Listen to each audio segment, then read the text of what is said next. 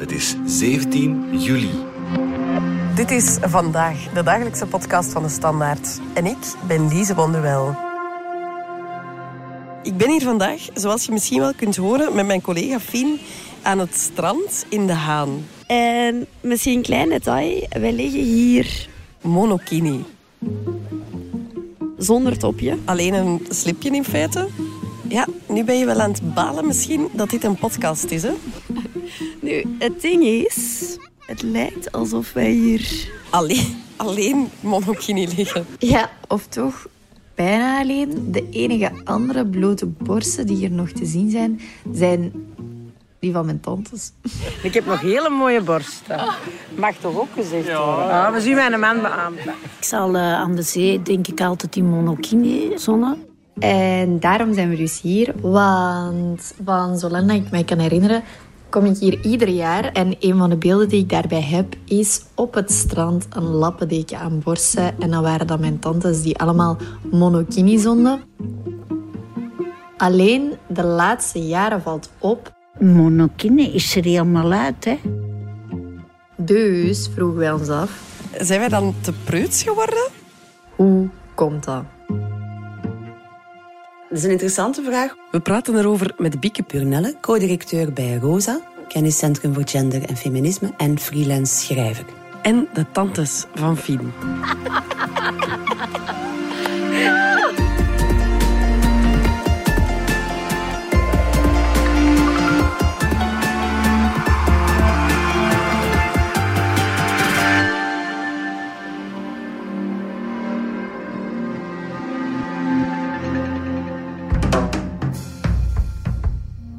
Wij zijn monokini op het strand gaan zonnen in de Haan en wij lagen daar eigenlijk op twee vrouwen na alleen. Dus hoe komt dat eigenlijk dat wij in België, vooral bij jonge vrouwen, dat minder zien?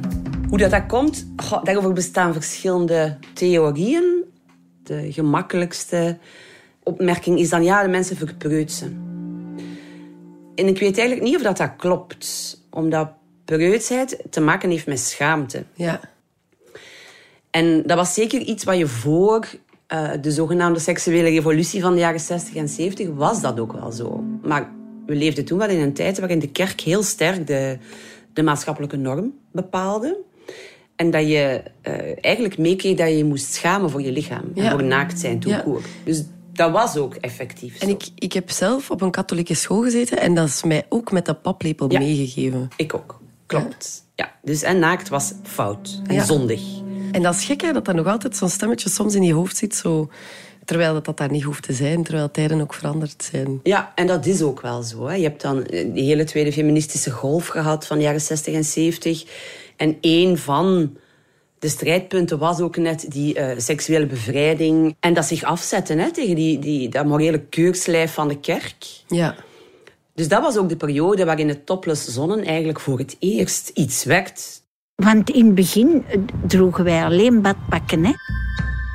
Ik ben eh twees van de Oudenaarde en ik ben 83 jaar. Dan spreek ik van de jaren 60, hè. En dan zo een paar jaar later is de bikini gekomen, hè. Dat was wel wennen, hè. En mijn vader, als wij in bikini soms over de straat... Dat mocht niet, hè. Dat was zeg... Doe eens iets aan, hè, als je naar het strand gaat. Dus wij zijn zelf vrij preuts daarin grootgebracht. Maar dan is de mono gekomen, dat hebben we wel gedaan. Maar natuurlijk, dat was toch met een, een, een zeker schaamtegevoel. Maar ja, het is voor mij zeker verrassend dat de, de volgende generaties daar minder en minder nood aan hadden. En dat is, deze generatie heeft blijkbaar ook die nood niet meer. Of kijkt daar anders naar. En ik denk dat dat heel wat te maken heeft net met het heel sterk seksualiseren van het lichaam. En veel mensen willen daar vanaf of zetten zich daar net tegenaf. En dat kan je wel doen door je net te onttrekken Ja. aan de blik van de ander. Want je zegt, jij hebt het eigenlijk eh, levendig meegemaakt, hè? Het, het groeimoment misschien van monokini. Ja, nu, we zijn, waren niet zo'n 80, strandmensen, 90. maar ja, ik kwam natuurlijk wel eens op een strand. Dus ja, nu, het is ook niet zo dat dat massaal was, hoor. Dat wordt ook wel een beetje overdreven. Het is echt niet zo dat het strand vol lag met, eh met topless vrouwen. Dat was toen ook niet zo.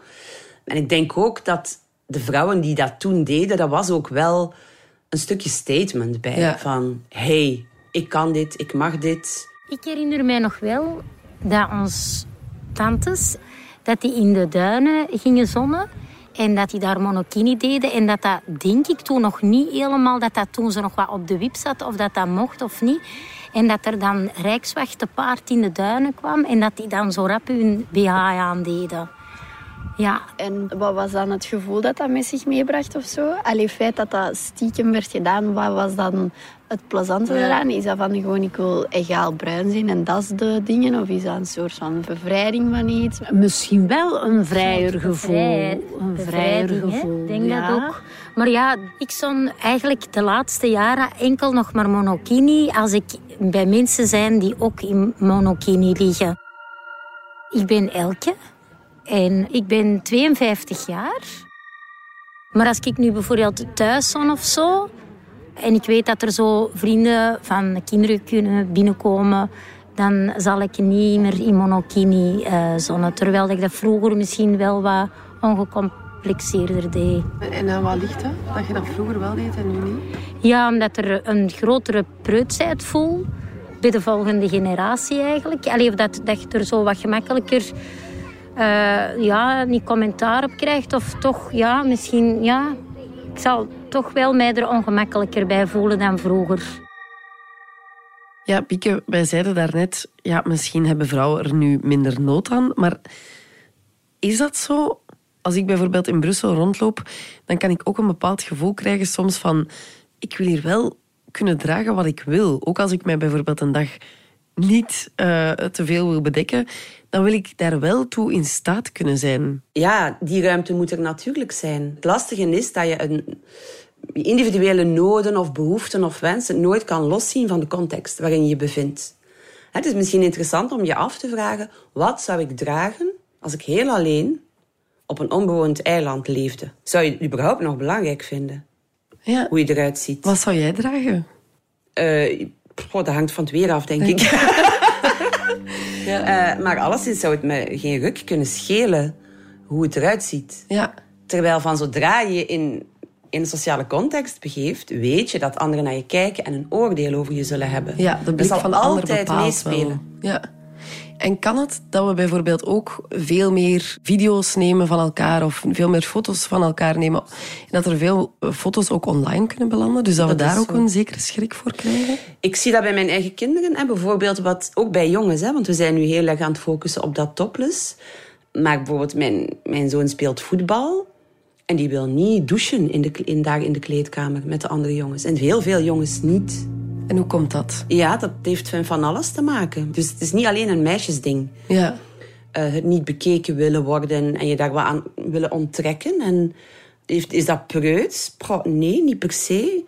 Eh, maar dat is dan ook zijn vrijheid. Hè? Want Ja. op een bepaald moment kwam er een soort van statement van de trainer dat ze moesten douchen na de match. En dan denk ik, ja, maar nee, maar wacht. Mensen moeten daar zelf over kunnen beslissen. Ja. Hè, als jij niet in die douche, is zo'n groepsdouche, hè, als je daar niet naakt wil staan, dan is dat jouw recht om dat niet te doen. Ja. Dus ook dat moet je wel bewaken. En ik denk wel dat bij jongeren het hele smartphone-gegeven eh, wel een grote rol speelt. Ja. Ik ben heel blij dat ik ben kunnen opgroeien in een tijd zonder smartphone. Ja. Maar zelfs in tijden zonder smartphone gebeurde het soms ook al.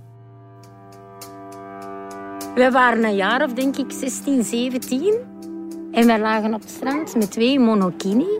En ineens riep er iemand ons. En wij kwamen met twee recht. En er werd een foto van ons genomen. En wij dachten toen dat wij op alle postkaartjes van de naam gingen staan. wij hoopten dat misschien stiekem. Maar dat maakt dan toch wel, als iemand dan ineens daar een foto van neemt, dat die blote borsten ineens een stuk minder vanzelfsprekend Dat was inderdaad wel zo, want dat verhaal zeggen wij nog vaak tegen elkaar. Dus dat heeft zeker indruk gemaakt. En toen ook. Wij waren er wel wat mee aan het lachen, maar dat was zo voor de eerste keer eigenlijk van... Oei, er, allee, er wordt misschien wel een associatie gemaakt. Het feit dat een lichaam als een seksueel goed wordt bekeken. En veel mensen vinden dat onprettig. En misschien is het de voorbije jaren te veel als een seksueel object bekeken. Dat is ook zo, hè? Ja. allee, er wordt vaak ook gedacht dat dat altijd zo geweest is. Maar dat is niet zo. Dat echt seksualiseren van het menselijk lichaam is, dateert eigenlijk nog maar uit de tweede helft 17e, 18e eeuw. Ja.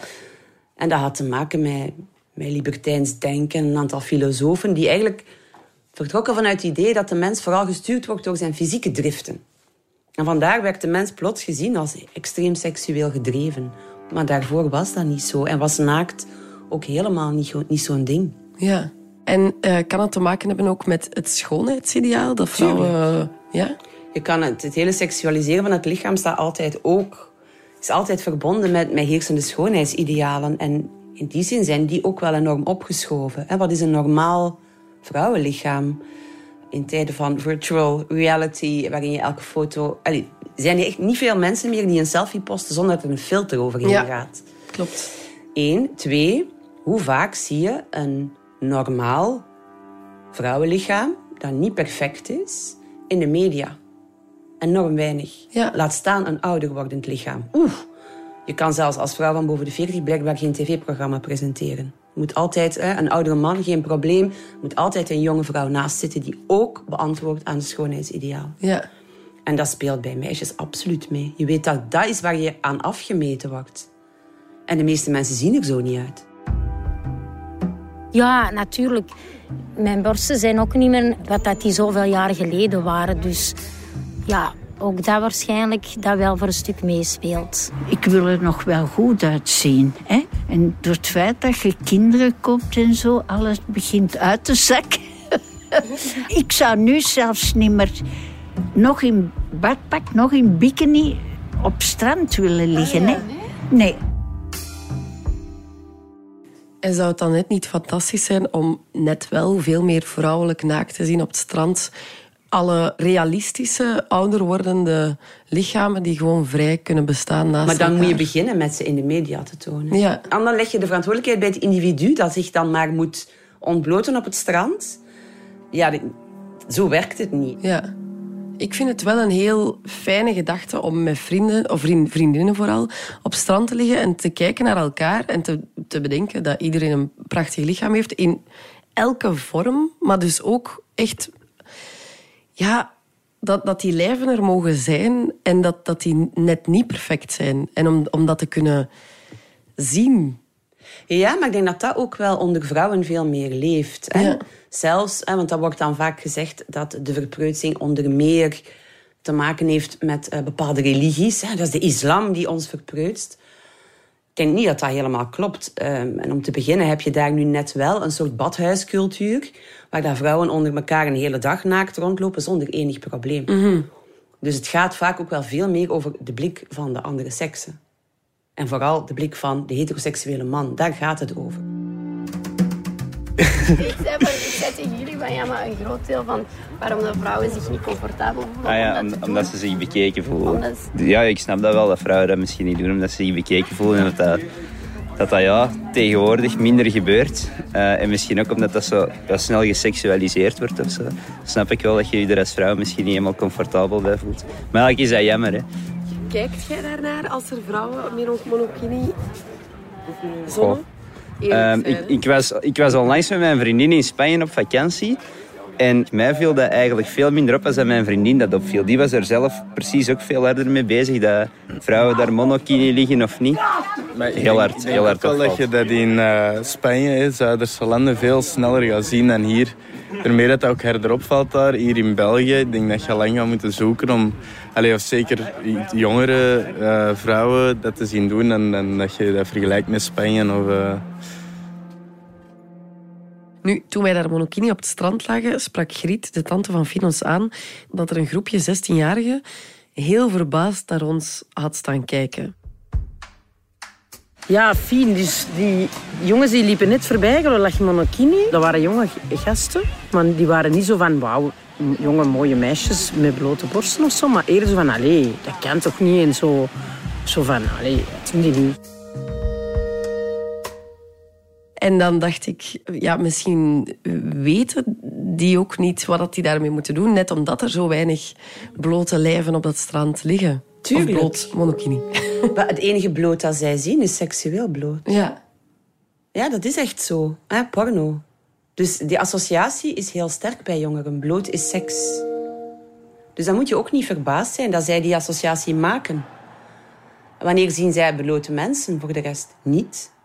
Dus dat is voor hen... En ja, je bent volop in ontwikkeling. Je bent een puber, de hormonen gieren door je lijf. Je weet niet altijd wat je daarmee moet. Terwijl als bloot en een bloot lichaam iets zou zijn dat je op heel regelmatige basis in een Mhm. normale, niet-seksuele connotatie ziet, dan is dat helemaal anders. Maar dat is gewoon niet zo. Ja, denk je dat moesten we de vrouwtepel minder bedekken, dat dat ook iets minder seksueel zou worden? Er zijn ook veel culturen waarin de borst iets heel normaal... Ja, een borst is in principe bedoeld om een kind te voeden. En zeker vrouwen die borstvoeding geven, en ik heb zelf twee kinderen lang, heel lang borstvoeding gegeven, en dan worstel je ook met die blik. Terwijl je denkt, dit is toch het minst seksuele wat je kan doen, eh, is een baby voeden die honger heeft. En toch leidt dat tot ongemak, of, of, of mensen worden daar zelfs boos van, of vinden dat jij je moet terugtrekken. En dan moet je wel, dat zijn wel dingen die je maatschappelijk kan veranderen. Door te zeggen, nee, sorry, dat is een wettelijk recht. Ja. Een baby voeden wanneer die honger heeft, moet een wettelijk recht zijn. Alleen al om de reden dat je anders moeders compleet isoleert. Ja, ja, ja. En dat helpt wel een stuk. Die borst normaliseren als wat het is. Een klier. Sorry, dat is het, hè. Dat is Als je een zo melkklier. heeft het ook echt niks eh, seksueel meer. Maar dat is het eigenlijk ook. Alles is, al dat soort connotaties zijn eigenlijk ook heel cultureel bepaald. Mhm. En dat is vervelend, maar het goede nieuws is dat, dat het ook maakbaar is. Ja, want eh, we zien het natuurlijk op het strand. Je ziet het bijvoorbeeld ook, zoals je zegt, eh, als vrouw borstvoeding geven in het openbaar. Maar ook online. Hè. Ik kan een poedelnaakte foto van mezelf online zwieren op Instagram. Maar dan moet ik wel mijn twee tepels Ja. gaan bedekken met een emoticon van Mhm. eh, twee aubergines bijvoorbeeld. Ja, maar dat heeft te Eh, maken met Amerikaanse... Daar heb- speelt er echt nog een sterk puriteinse moraal, die wel zeer religieus geconnoteerd is. Het maffe daaraan vind ik dus dat het bloot wel te zien is, maar dus dat het echt gaat Het over gaat die over die vrouwentepel. Ja, extreem seksuele connotatie als... Ja. Maar dan zie je ook weer, hè, dat, omdat dat daar zo sterk is, is, ja, is dat met een land met echt... Ja, ik zou dat echt religieus fanatisme noemen. Hè. Dat gaat ook over eh, anticonceptie, abortusrechten. Enfin, al dat soort dingen zijn in Amerika extreem beladen. Dus ook dat. Maar door de enorme globalisering en door massamedia waaien zo'n dingen ook altijd over. Want je kan je toch de vraag stellen waarom een vrouwentepel wel en een mannentepel niet. Exact. Een tepel is een tepel. En ik zie daar echt wel een rol voor televisie en media weggelegd. En begin al eens met die extreme focus op eh, het perfecte jonge vrouwenlichaam weg te nemen. Mhm. Dat zou wel een goed begin zijn. Denk je dat, de, dat media bij ons in een positieve richting kunnen evolueren? Tuurlijk, dus- alles kan evolueren. Het hangt ook altijd samen met, met je politieke klimaat. Hè? Ja. En er is een zeer grote eh, verrechtsing en dus hang naar conservatieve waarden. Overal, niet alleen hier. En zolang die er is, ja, zal dat ook zijn impact hebben op hoe we kijken naar lichaam, naar seksualiteit, naar bloot. Maar je weet dat er na elke fase komt er een tegenreactie. Dat is gewoon geschiedenis. Dus op momenten dat ik een beetje de moed verlies, dan zoom ik uit. En dan kijk ik zo naar de geschiedenis als zo'n heel lang pad, dat omhoog en naar beneden. Dat is geen rechte lijn, hè, vooruitgang. Totaal niet. Soms ga je zelfs terug. Ja. Dus gaat dat veranderen? Ja, dat denk ik wel. Gaat dat snel veranderen? Nee, dat denk ik niet.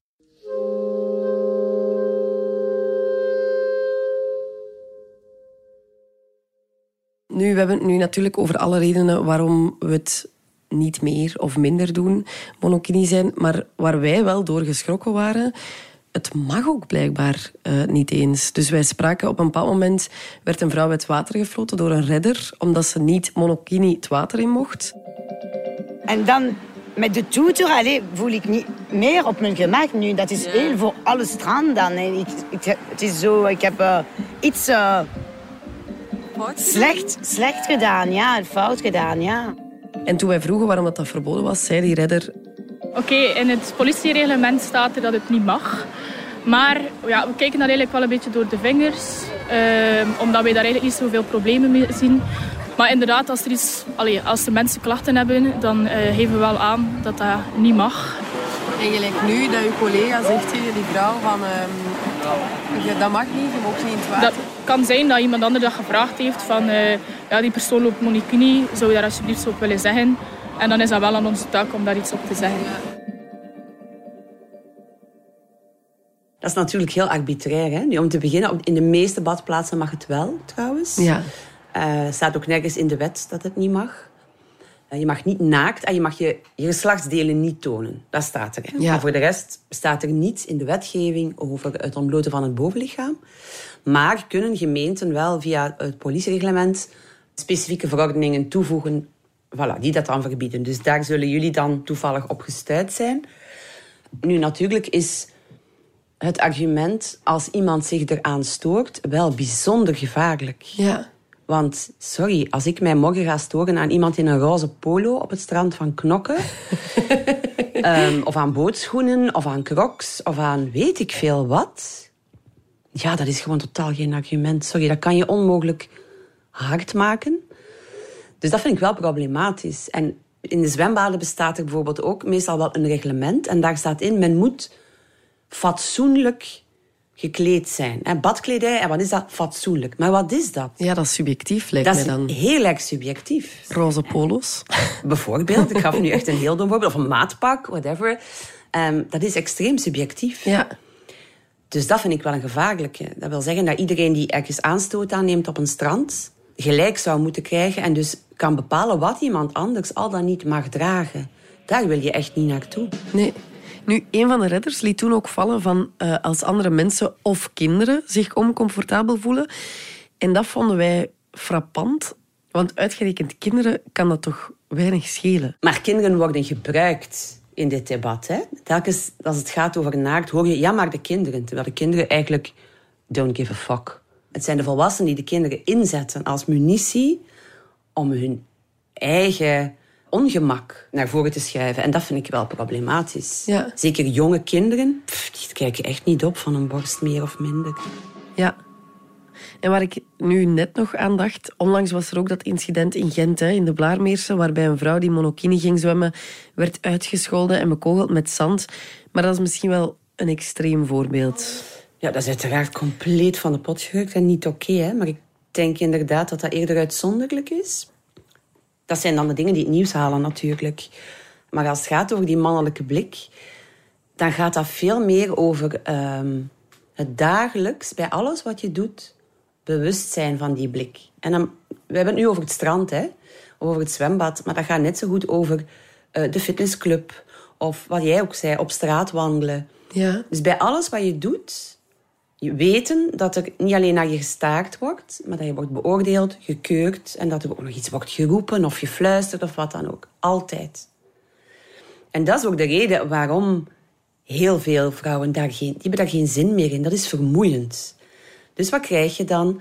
Mensen die zich meer gaan bedekken, maar ook aparte uurtjes in de zwembaden. Ja. Dat gaat niet over verpreutsing, dat gaat over laat mij gerust. Ja, daar gewoon geen zin in hebben. Echt, dat is ook extreem vermoeiend. En dat is permanent. En dat gaat allemaal over kleine dingen die totaal niet strafbaar zijn, maar ontzettend vervelend. Ja. Je wil niet de hele dag tijdens het sporten, het zwemmen, het zonnebaden, het wandelen, wat je ook doet, het onderwerp zijn van andermans oordeel en blik. Ja, je wil gewoon zijn in alle rust. En soms is dat gewoon makkelijker en minder vermoeiend als er niet zo heel veel te zien is. Ja. Soms denk ik, zou ik mijn kont en mijn borsten niet gewoon voor een dag kunnen uitschakelen of aan de kant leggen om gewoon pff, niet seksueel te zijn? Ja, dat zou leuk zijn, hè? Ja. Bieke, enorm bedankt. Graag gedaan. Dit was vandaag de dagelijkse podcast van de Standaard. Bedankt voor het luisteren. Volg ons op Spotify, Apple Podcasts of eender welk ander podcastplatform. In onze gratis app DS Podcast kan je niet alleen ons eigen werk beluisteren, maar ook de beste podcasttips voor op vakantie of ergens onderweg, met zorg geselecteerd door onze redacteur Max de Moor. Alle credits van de podcast die je net hoorde vind je op standaard.be-podcast. Reageren kan via podcast.standaard.be. Morgen zijn we opnieuw.